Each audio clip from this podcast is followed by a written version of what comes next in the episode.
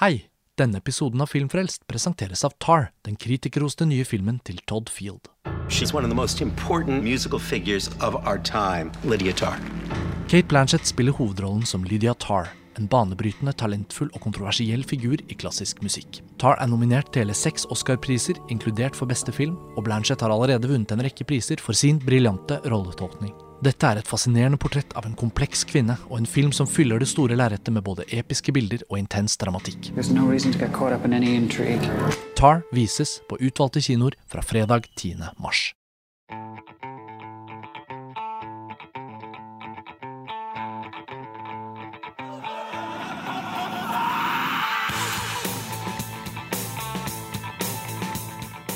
Hei og velkommen til en ny episode av Filmfrelst, podkasten fra filmtidsskriftet montasj.no.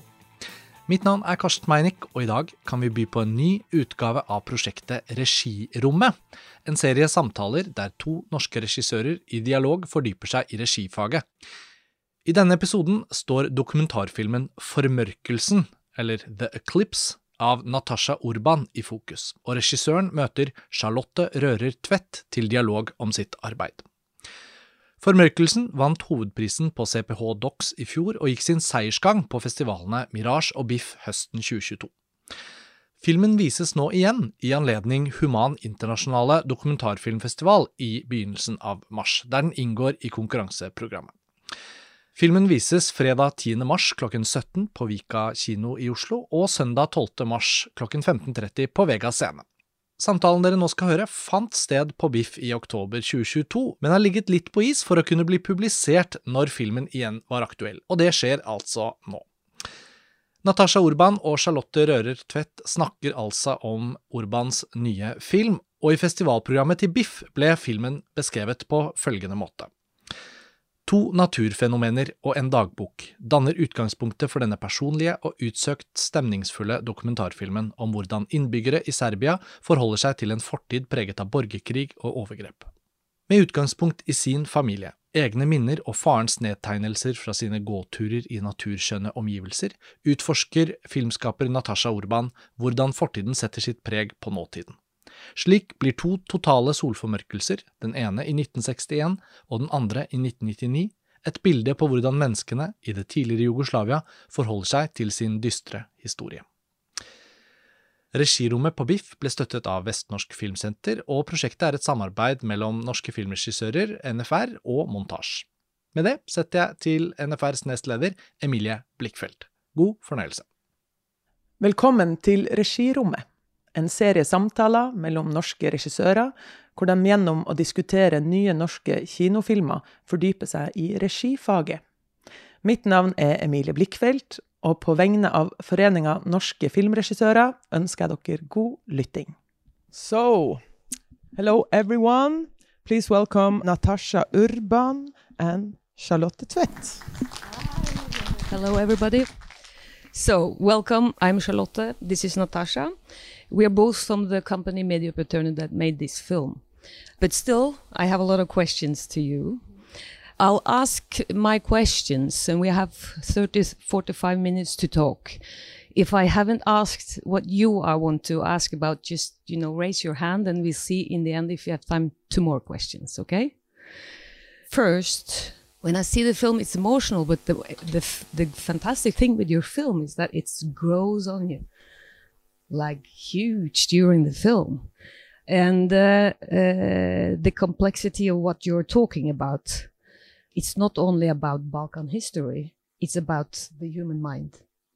It's a beautiful piece of essayistic storytelling, and you are searching, wondering, problematizing, and asking a question and you leave me with a big room of reflection, which is fantastic. So the film stays with me for a long time after I saw the film. These films feels like a personal, loud cry and shout to something not so easy to grab. Does it resonate? Sorry. Well, Charlotte, thank you so much. First of all, Biff, thank you so much for having my film here. And Charlotte, you're one of my f- favorite filmmakers and persons in the world. So it means a, a lot to that we, we are very good friends and we love each other very much. So, before we start, I just want to go a little bit back to your background. So, we get to know uh, a lot of your family here, but can you just describe a little bit about what kind of upbringing did you have? And how did you end up in Norway? Well, I was born and raised in Serbia, obviously. So, uh, uh, in northern part of Serbia, uh, my mother is um, uh, ethnic uh, Romanian, but born in Serbia. Uh, my dad is a Serb, so I always had this multicultural um, identity. I was, as I say in the film, I was 14 when first of the four wars started. It was in 91. And then already in 96, I started removing myself from the whole uh, place um, because of the things you saw in the film. So then I, I went to Bucharest to study and, and I lived there uh, for five years from 96 to 2001. In the meantime, uh, we managed to get uh, uh, rid of Milosevic in uh, 2000. Milosevic was out the door, and I remember like that there were three years of uh, actually mm, uh, feeling hope for uh, after a very long time. It was like somehow this burden was taken uh, away from us, and you could literally breathe again. And then on 2003, I remember I was sitting on a on a like a public transport when the news of this newly elected democratic president that he was assassinated. I heard that news on this public transport. I'll never forget that feeling. Or I could still uh, smell, you know, and I know what the music was on. It was just that it, that that's when I realized that things are not gonna change anytime soon um, and this the cyclic nature of wars, which will bring us to the story of the eclipse. And that's when I actually decided I'm going to leave this place. And I left. Um, uh, I I was actually searching for a new identity. I couldn't be anymore someone who lived is from Serbia. I, I needed something else. So then I, I worked. I worked uh, very hard, and I made enough money to make to go to a trip to Nepal. Why Nepal? You've seen the film. I mean, mountains are like very deep down in in, in my soul uh, because uh, my parents would take me into mountains. Uh, during the 90s to kind of preserve some kind of sense of sanity, normality. So, of course, Himalayas are in Nepal, and that's why I went to Nepal. And uh, that's where it happened that I came across this um, this uh, girl. She was nine years old. She didn't have a mother, uh, and I made a short film about her. So I went to Nepal as a tourist, but then I came back as a as a, a documentary filmmaker, and I studied in Bucharest photography, and I thought that that was gonna be like my my pa- passion but actually when i discovered motion picture and documentary as a s- way to tell your stories there was no going back. And s- and since then i'm i'm a filmmaker and that's what i am still. But in Bucharest, you studied still photography. still photography mm. yes at the arts university. But then over time even even this film bubble that i've created for myself wasn't enough to kind of keep me in serbia. In 2011 i moved to norway. Why norway? Now if you t- I, mean, I think it's one of the most gorgeous places on the planet and all this rock you know mountains again. So it's just something i'm very drawn to.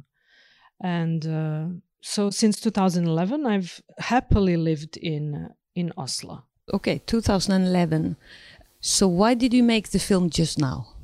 Uh, yes, that that's uh, yes. Well, uh, throughout the, the when I moved in 2011, I would because I met this girl that I mentioned in 2005, and I and by that time I already made two films about her because she lost her mother and at the age of nine, and then she at the age of five, and since then she was taking care of her younger brother and sister and uh, my relationship with her was growing. Uh, she could she didn't have a mother i couldn't have kids.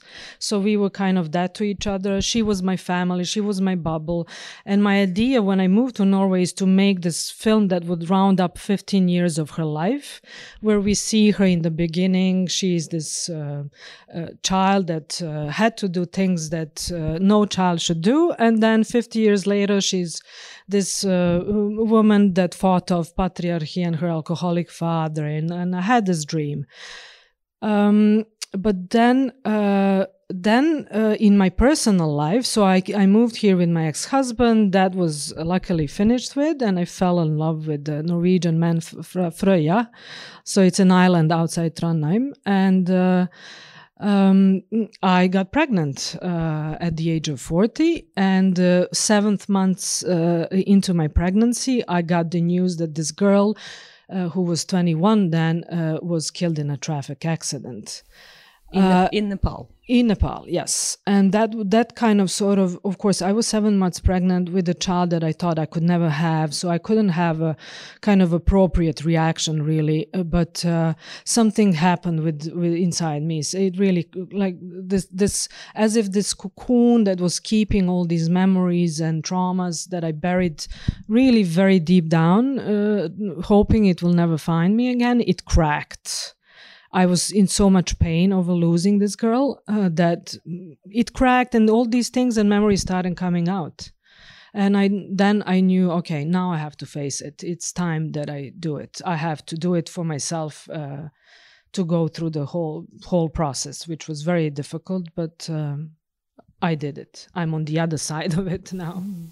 Yeah, fantastic. Maybe it's important to to to let it go some years before you go into things like this? Yeah to me it was really mm, i mean if you asked me just a month before you, the whole thing with my friend poonam from nepal uh, happened if i was ever going to make something uh, that that uh, tackled uh, wartime in yugoslavia i would tell you talk to my hand like it's never going to happen. But then suddenly i was i was doing it and it is important. Yeah. Can you just talk a little bit about why it is important for more than just it's for yourself, but somehow I feel uh, the film resonates to a lot of people.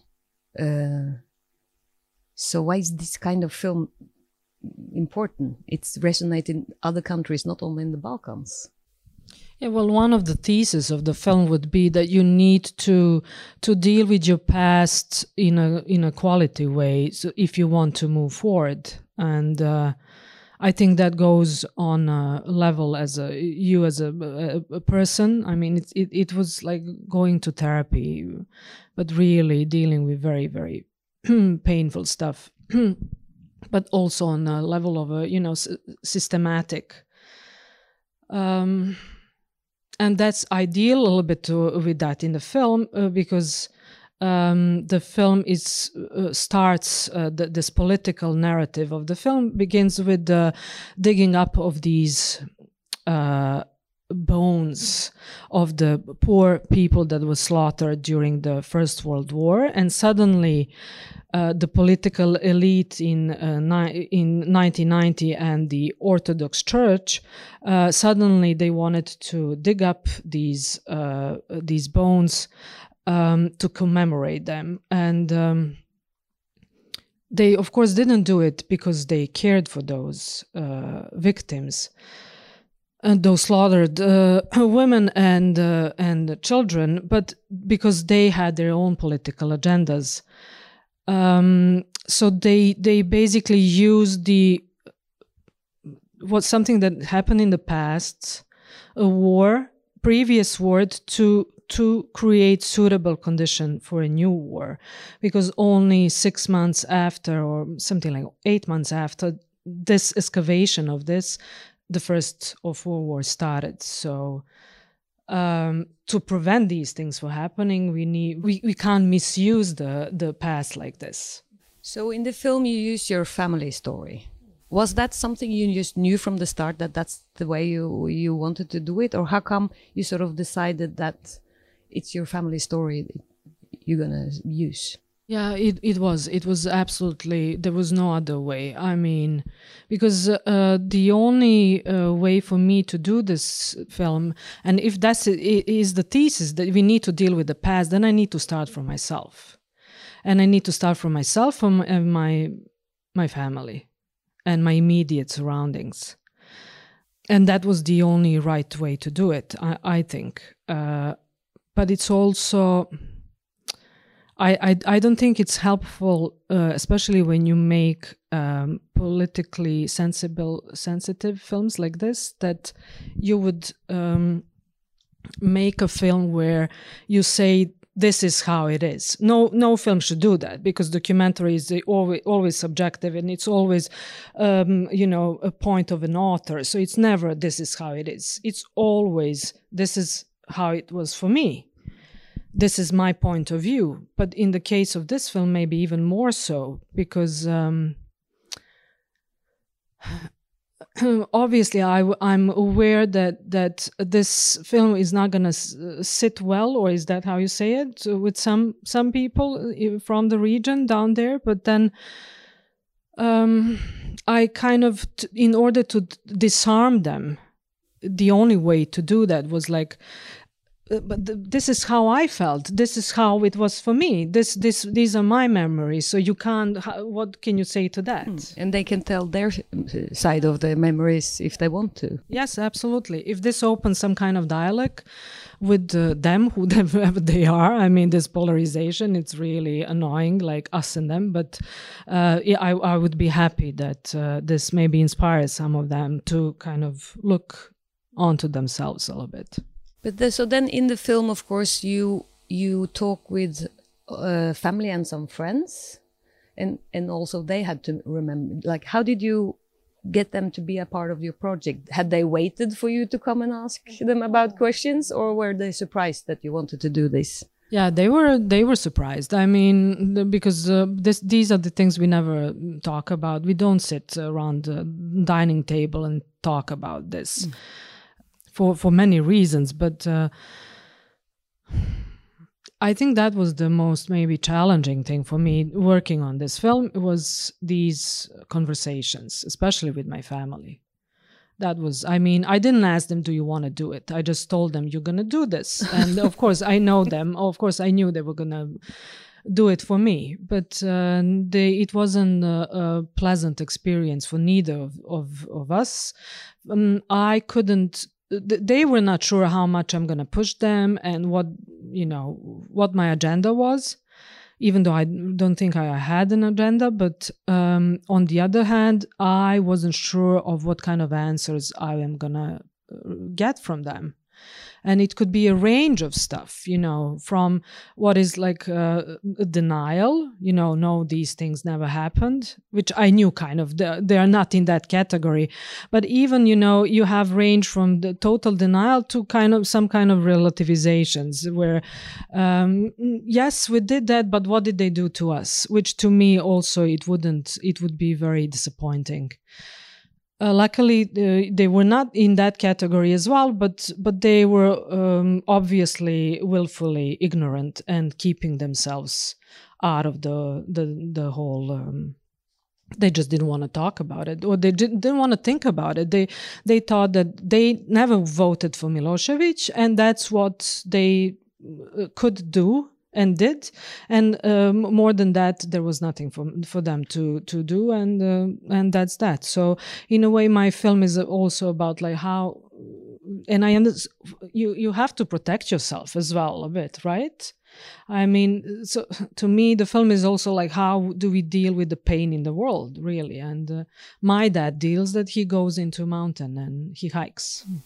But somehow we all uh, we need to deal with guilt the feeling of guilt that we didn't say anything or we didn't do anything. Uh, did they talk about that? No, they don't feel any guilt, or they are so specific that they don't feel any guilt that, that it's a little bit to me, uh, it doesn't, uh, there's something there. Mm. But uh, I don't know, maybe our kids will make films about us and then we'll ask you, but what did you do with with uh, did you know that the, there were uh, kids in afghanistan right now being killed and what did you do and what are we doing and are we doing enough so It's the same. So, for how long period did you interview? Uh, did you start with the interviews? Yes, I start that. That was the the thing that I started with interviews, and I did it on a, like a small Zoom recorder, a very unprofessional thing. Uh, and because I thought this is just for me to write a script, and I'm gonna redo them, but it never came to me redoing them because I didn't want to go through the whole thing again, and. Um, Mm, I guess some of the things like the surprise of my father when he found out the the actual number of people being killed in Srebrenica, you you wouldn't be able to repeat anyway. So uh, everything started with those, but uh, but I also started shooting with my Super 8 camera a little bit um, a little bit before, just because I kind of um, wanted to go back to analog because that's where I started in Bucharest working on analog.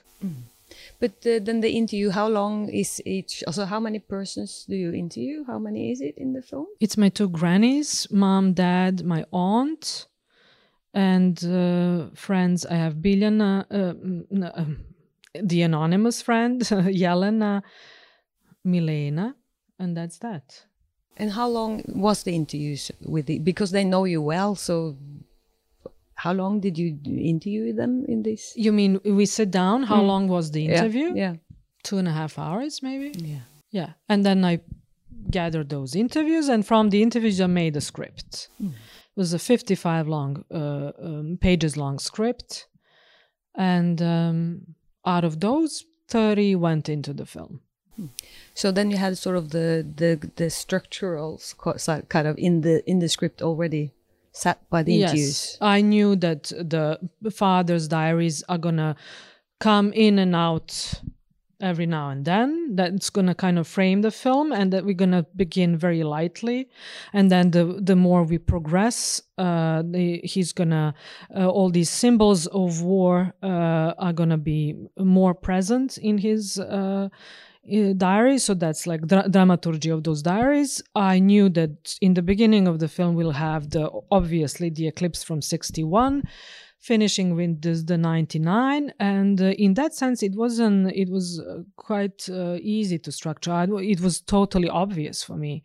I knew the beginning of my film. I knew that the beginning will be the scene where i talk with my dad about the rat that i didn't want to uh, be, be killed. Because it says i don't know it sets the tone of uh, maybe my attitude as well. But like animals is animals and food uh, are like very important motifs of the the film. And when i after doing the interview with Jelena my friend who closes the film with the with the sentence uh, i love serbia with all my heart when she said that i knew it right then and there that that was the last sentence of my film. It was there was no nothing else really. Uh, um, that was uh, quite beautiful. And she she i don't show her face as well in the film because he has schizophrenia.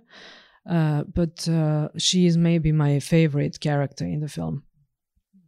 She is somehow the most reasonable somehow. I don't know. She's beautiful. So the so yes in a way this this film is a uh, um, love letter to serbia as well through those beautiful images but then this tension between the beauty of the images and the potential that the country has because it has of course and what it could have been but it, it it's it's not allowed by these political elites to become. It's always kept. So through this mechanism of circular wars and wars and, and now even now it's always the same. It's incredible. And then you obviously i didn't want to p- be part of that anymore so i moved. So you said animal and food. Does it tell anything about your family as well, not only you? yeah. the importance of animal and food to to tell a story or to be together or Yeah, but that's uh, fine. That's your reading into it. But obviously, to me, it really was very, very simple. Everything that it's in the film has to have some very, very personal connection. Every shot. Uh, and I have, you know, my parents had me when I was, uh, when my mom was very uh, uh, young. She was barely 20. So, and they were studying uh, at the university. So I spent the, my first four or five years in the village playing with animals and eating my granny's jam and hence those images, really. Okay, so um, uh, so they had done the interview, and they knew you were making a film, and you talked about your mom. What did she say when she, saw the film finished? Yeah, my mom, she. yeah, well, we had the premiere in Copenhagen, uh, CPH Dox, when we won the main award, and that was uh, wonderful. But I thought that maybe I should show them. They came, that I should show them the film, both both mom and dad, and my brother, who is also in the film, uh, to show them to take the pressure off of them and myself. Uh, and uh, I know they were watching it one evening, and you and she like didn't get back to me immediately and usually there's no uh, stopping her. Nothing can stop her for, from getting back you know in touch with me day day and night. But now she was silent which was really very um, uh, worrisome to me. And then this, the next morning she uh, said that she spent the whole morning crying because she was first of all touched that i put so much care into uh, portraying them in a nice way um, and that she realized how the whole process has been difficult on me. And then, but she said like she had a huge one huge problem in the film, and if I could just uh, change that, go into the editing room and do the whole thing, like the when the pig was giving birth, so there was one pig popped out, right? And then she was waiting for the second piglet to pop out, and there was no second piglet. And she was like, You can't do that to your audiences. we were all waiting for the second piglet. So that was the feedback. And then, um, uh, because I guess when you you talked about the script, you knew about the eclipse. Like, how did you how did you find the eclipse story? that that was the first one of the first scenes I wrote, Yeah. uh, and that's where it all started. So for me, the metaphor and what I wanted to do with the film came from the beginning, and it's in that scene. First of all, the the the eclipses as natural phenomena they occur in cycles. So. To simplify it, each eclipse occurs every 18 years, 11 days, and 18 hours. Uh, and so the cyclic nature of the total solar eclipse mimics the cyclic nature of war, which I already mentioned. But also, on the other hand, this collective hiding from this magnificent um phenomena, uh, which is really a surreal uh, thing that happened in Serbia, I use it as a metaphor for uh, hiding from the truth and its responsibilities for you know in terms of atrocities and genocide in in um, in the 90s Have you thought about that before you started making the film? That the hiding and everything was an image of that, or did you sort of see that when you made the film? no No. So, so when you wanted to use the eclipse, how did you find the footages of the new? We went to Novi Sad in August last summer and we filmed all those empty streets, or we made it look empty. Of course, it wasn't empty. Um, and we filmed the pig sleeping and all those nights. I, I wanted to mimic like two and a half, because the, the total solar eclipse, the totality lasts for two and a half minutes. So I wanted to kind of mimic or give you the experience of this beautiful phenomena. But the we have actual shots of on 16 mil of the total solar eclipse. Those were done in um, in argentina in december 2020 uh, I couldn't go because there's there was a pandemic, but uh, I found uh, four uh, like leading experimental actually uh, artists from Buenos Aires who went down to Patagonia and filmed the eclipse. One shot I was very important for me is to if the, to um, the shot when you uh, see watch the eclipse through the X-rays. So that's from Argentina, and uh, a phenomena uh, that happens when uh, during the total solar eclipse is all those shadows of uh, moon-like shadows on the um, on the ground that go through the the the trees. Yes, so that's that's actual total solar eclipse. And then I was lucky to find the uh, archive footage from the actual 1999 uh, uh, solar eclipse done by an amateur uh, guy who went uh, to this um, uh, zoo and filmed all these animals during the total eclipse, which was like a total gift, you know. Like uh, I don't know, it took. It felt like it took me my whole lifetime to be ready to make this film, but when I was ready, everything was falling into its own place. Even this footage of these animals, it's insane. That's a good thing. Things fall to places if you just let the process go. It's fantastic. Okay, we are. Uh, I have too many questions, and we are running a little bit out of time. I think. I just want to ask you also one one thing, which is important for the structure of the film, is the is the diary of your father. So your mother, and then you have the diary of the father. Did this was something you had to find, or was it obviously? Or No, it, this diary, he's he's you know every day, you know he's like like this, you know, writing them for years and years and years, and I've never couldn't be bothered to look into those but suddenly i'm very instinctual. That's how this f- film was made. Like the voice in me said like look into his diaries and I lit- that was literally what happened. And then i discovered all this beau- beauty in it like and he's so precise about i mean it, it all every entry goes marked with the precise date and time like 1352 snake crosses the road i mean just that it's just phenomenal so yeah mm. But also about you know your father's walk and all the images we say where he walks. Is that the image of the? Is that where he walked? yes How did you find all the places that you actually do film? Yeah, well, uh, bec- because we shot the whole film was shot on celluloid, so 16 mil, a little bit of Super 8. Everything was very precise and organized. So for let's say we have a week of shooting, but for a week of shooting we have three or four days preparation days where we, uh, me and my DOP, we go into the locations and we take photos of what we want, and then we put them in the order of importance and in the order of the lighting conditions because uh, um, one shot it's not the same if you film it in the morning or in the evening. So um, yes and then obviously i wanted to have him r- uh, drawing that um, heart because that's what he does and all these it was just a list of shots And he just went, with through. you all all around. yeah he Fantastic. didn't have a choice yes Okay, so so um, a huge part of how this film look is your visual style, and you are a still photographer yourself, and you worked with a, uh photographer. But how did you find this visual style of yours?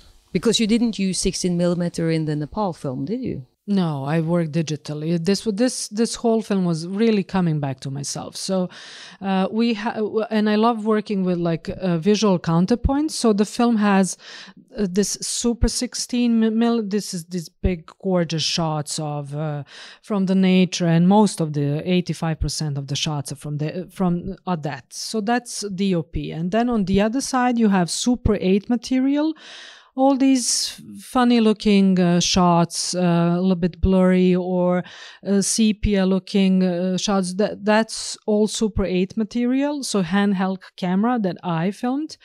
And all these effects nothing is uh, digitally done or done in the computer. It's all hand processed. So i film a film i know exactly which film i'm using which film stock and then i think knowing what i'm filming how i want it to look so and then I hand develop these films. So I don't know if you, you guys knew, but if you mm, uh, combine a little bit of C vitamin, washing soda, and coffee, you can process your film in. Um, and and so and there are many many of these uh, developing solutions, and um, each one of them gives you different results. And really maybe it, it seems a little bit um, random but it but it's really not uh, because i wanted to the film is about memories. It's one memory after another. So i wanted to visually translate memory because sometimes you forget, sometimes you think you remember something, but you actually don't. Things are blurry, or suddenly you remember something. Um, uh, so that I mean, uh, if you would now watch film again, you you could maybe notice like when my mom talks about, but I didn't want to remember those. The image of her is very pale or when uh, when my uh, uh, friend says, um, "But maybe you will forget," then uh, you, maybe you will remember that uh, image goes into a focus suddenly. So all these now that's that's the ed- editor that does it, but uh, I had that in mind while I was shooting. So these kind of it, it was supposed to be like a portrait of my memory, really something very subjective.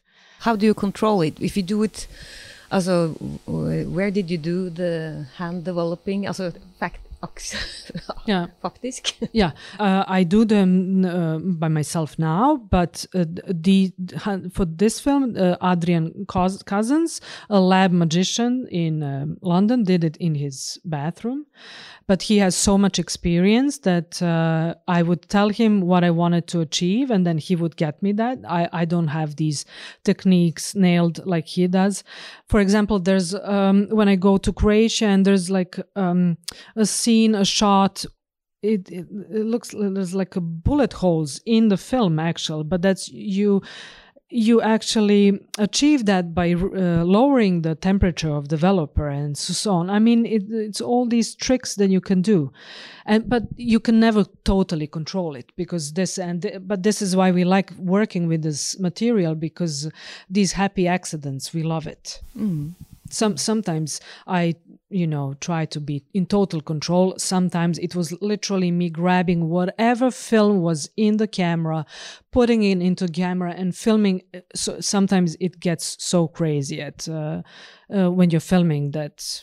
So actually you do you do you you're not in total control when you make it but then you control it again when you do the edit editing so that it tells the same story. Yeah. because because thinking about sort of what does it do to the story because today we have fantastic digital camera that can do uh, fantastic footage. Like I can't. To, uh, yeah, so, man, so you when can't. You do, so when you do 16 millimeter and 8 millimeter, you give yourself also hard time in a way, but still you think it's it's uh, rewarding because you get something for the story you tell. Of course, I think that working with the film material like this for this film it's what this film needed. I'm not saying that I will, in my next film, use these techniques. No, it, but it was very demanding. Uh, working on celluloid for me was super stressful. You never know what you have until it's developed, and until it gets into the lab.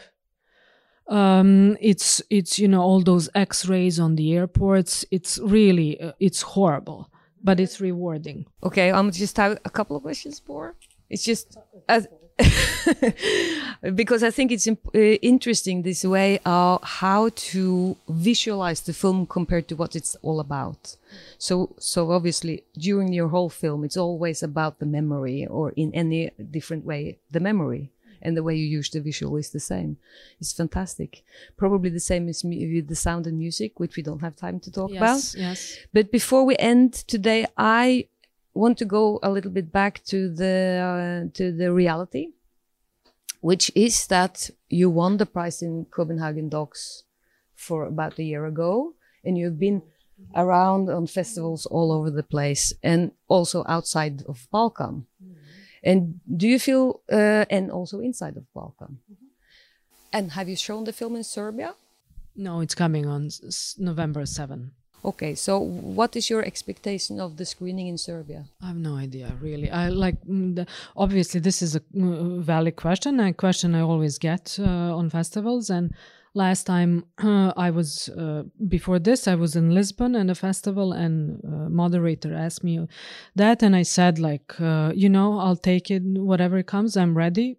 It's what it is, and. Um, then after the the screening, Želimir Žilnik, who is uh, from my hometown, but he is one of the most famous like radical uh, uh, directors uh, in the world. Uh, he in '68 he made his first. Um, uh, feature film and won Berlin uh, with that film, uh, beating uh, Brian De Palma, um, Godard, Bertolucci, Pasolini, because he made this film that no one has ever seen something like that before. That is totally uh, not talking against the the political regime, but ridiculizing the regime. Then, in all sorts, I mean, I'm really simplifying, but he's a genius. I mean, and then when the uh, the same festival made a retrospective of him, he's eight years old now. Uh, they made a selection of 54 films to show and each one of those were more radical than the other and so so he's been in exile he's been um, you know locked up and he's been through literally everything. And then he after the screening he was at the screening. So he came to me to con- console me like about the belgrade screening because maybe he felt a little bit fear in me and i am uh, i'm not gonna lie. And he said but don't worry don't worry maybe they'll slap you a little bit and spit on you, but that's it. Like, so I was not worried before then, but now I'm a little bit worried. yes, I have no idea. But uh, but then okay, one last question because uh, as we started the the talk, um, you know, I feel uh, my reflection of, the film. The film goes into a lot of different countries, and all the countries re- resonate to the film Mm-hmm. and to the content on the film. You don't need to be personal mm-hmm. from Balkan to have a feeling of the film. Mm-hmm. So so do you experience any difference compared to where you show the film for from the audience? And if not, why not? Do you think? No, I'm not sure. No, not really. No, I think um, everybody says they need time to process it and uh, they find it powerful and everybody loves images and it leaves some kind of mark on them. I think because i think the film works because i found the right form to to tell the story. And uh, if there was anything in uh, in um, documentary filmmaking world i would love to for uh, directors to challenge themselves a little bit of you know experimenting with form not make the same film all over again uh, because not every form fits every story and i think i managed to The essayistic form that you have the here worked. yeah but all the well. formative choices Yeah. in terms of music sound everything Yep. i think it worked for the story so mm. And and uh, also I want to say thank you. I, ju- I just think also one more thing about that is maybe it's the right time for many places, you know, to deal with memory or to deal with this history of. of i think it's sadly right time for all the places all Yeah. the time Yeah, yeah, true. Okay, Natasha, um, we don't have time for questions. She says no. so I'm here ar- around yeah, so outside afterwards. Oh, one question. What has the film done to you? Well, to me, uh, I'm not gonna lie to you. It was uh, I've been uh, sunk into deep black hole for a year and a half, and it took uh, some uh, medication to get me out of there. It's way behind me, but. Uh, uh, but I've come stronger person uh, after that. Uh, it's just um, realizing that what people are capable of doing to each other, and at the same time having a child, and knowing that all these things are not reserved in the past, that they can happen again and are happening again. It totally uh, terrified me, and uh, I'm still having trouble. with that to be honest so. But uh, again i think as long as we are talking about it being open trying to understand each other take responsibility show empathy i think that's uh, there's always hope and hope is us here and now so. That's what we can do. yeah. Okay, Natasha, thank you very much. thank, you. guys. Thank you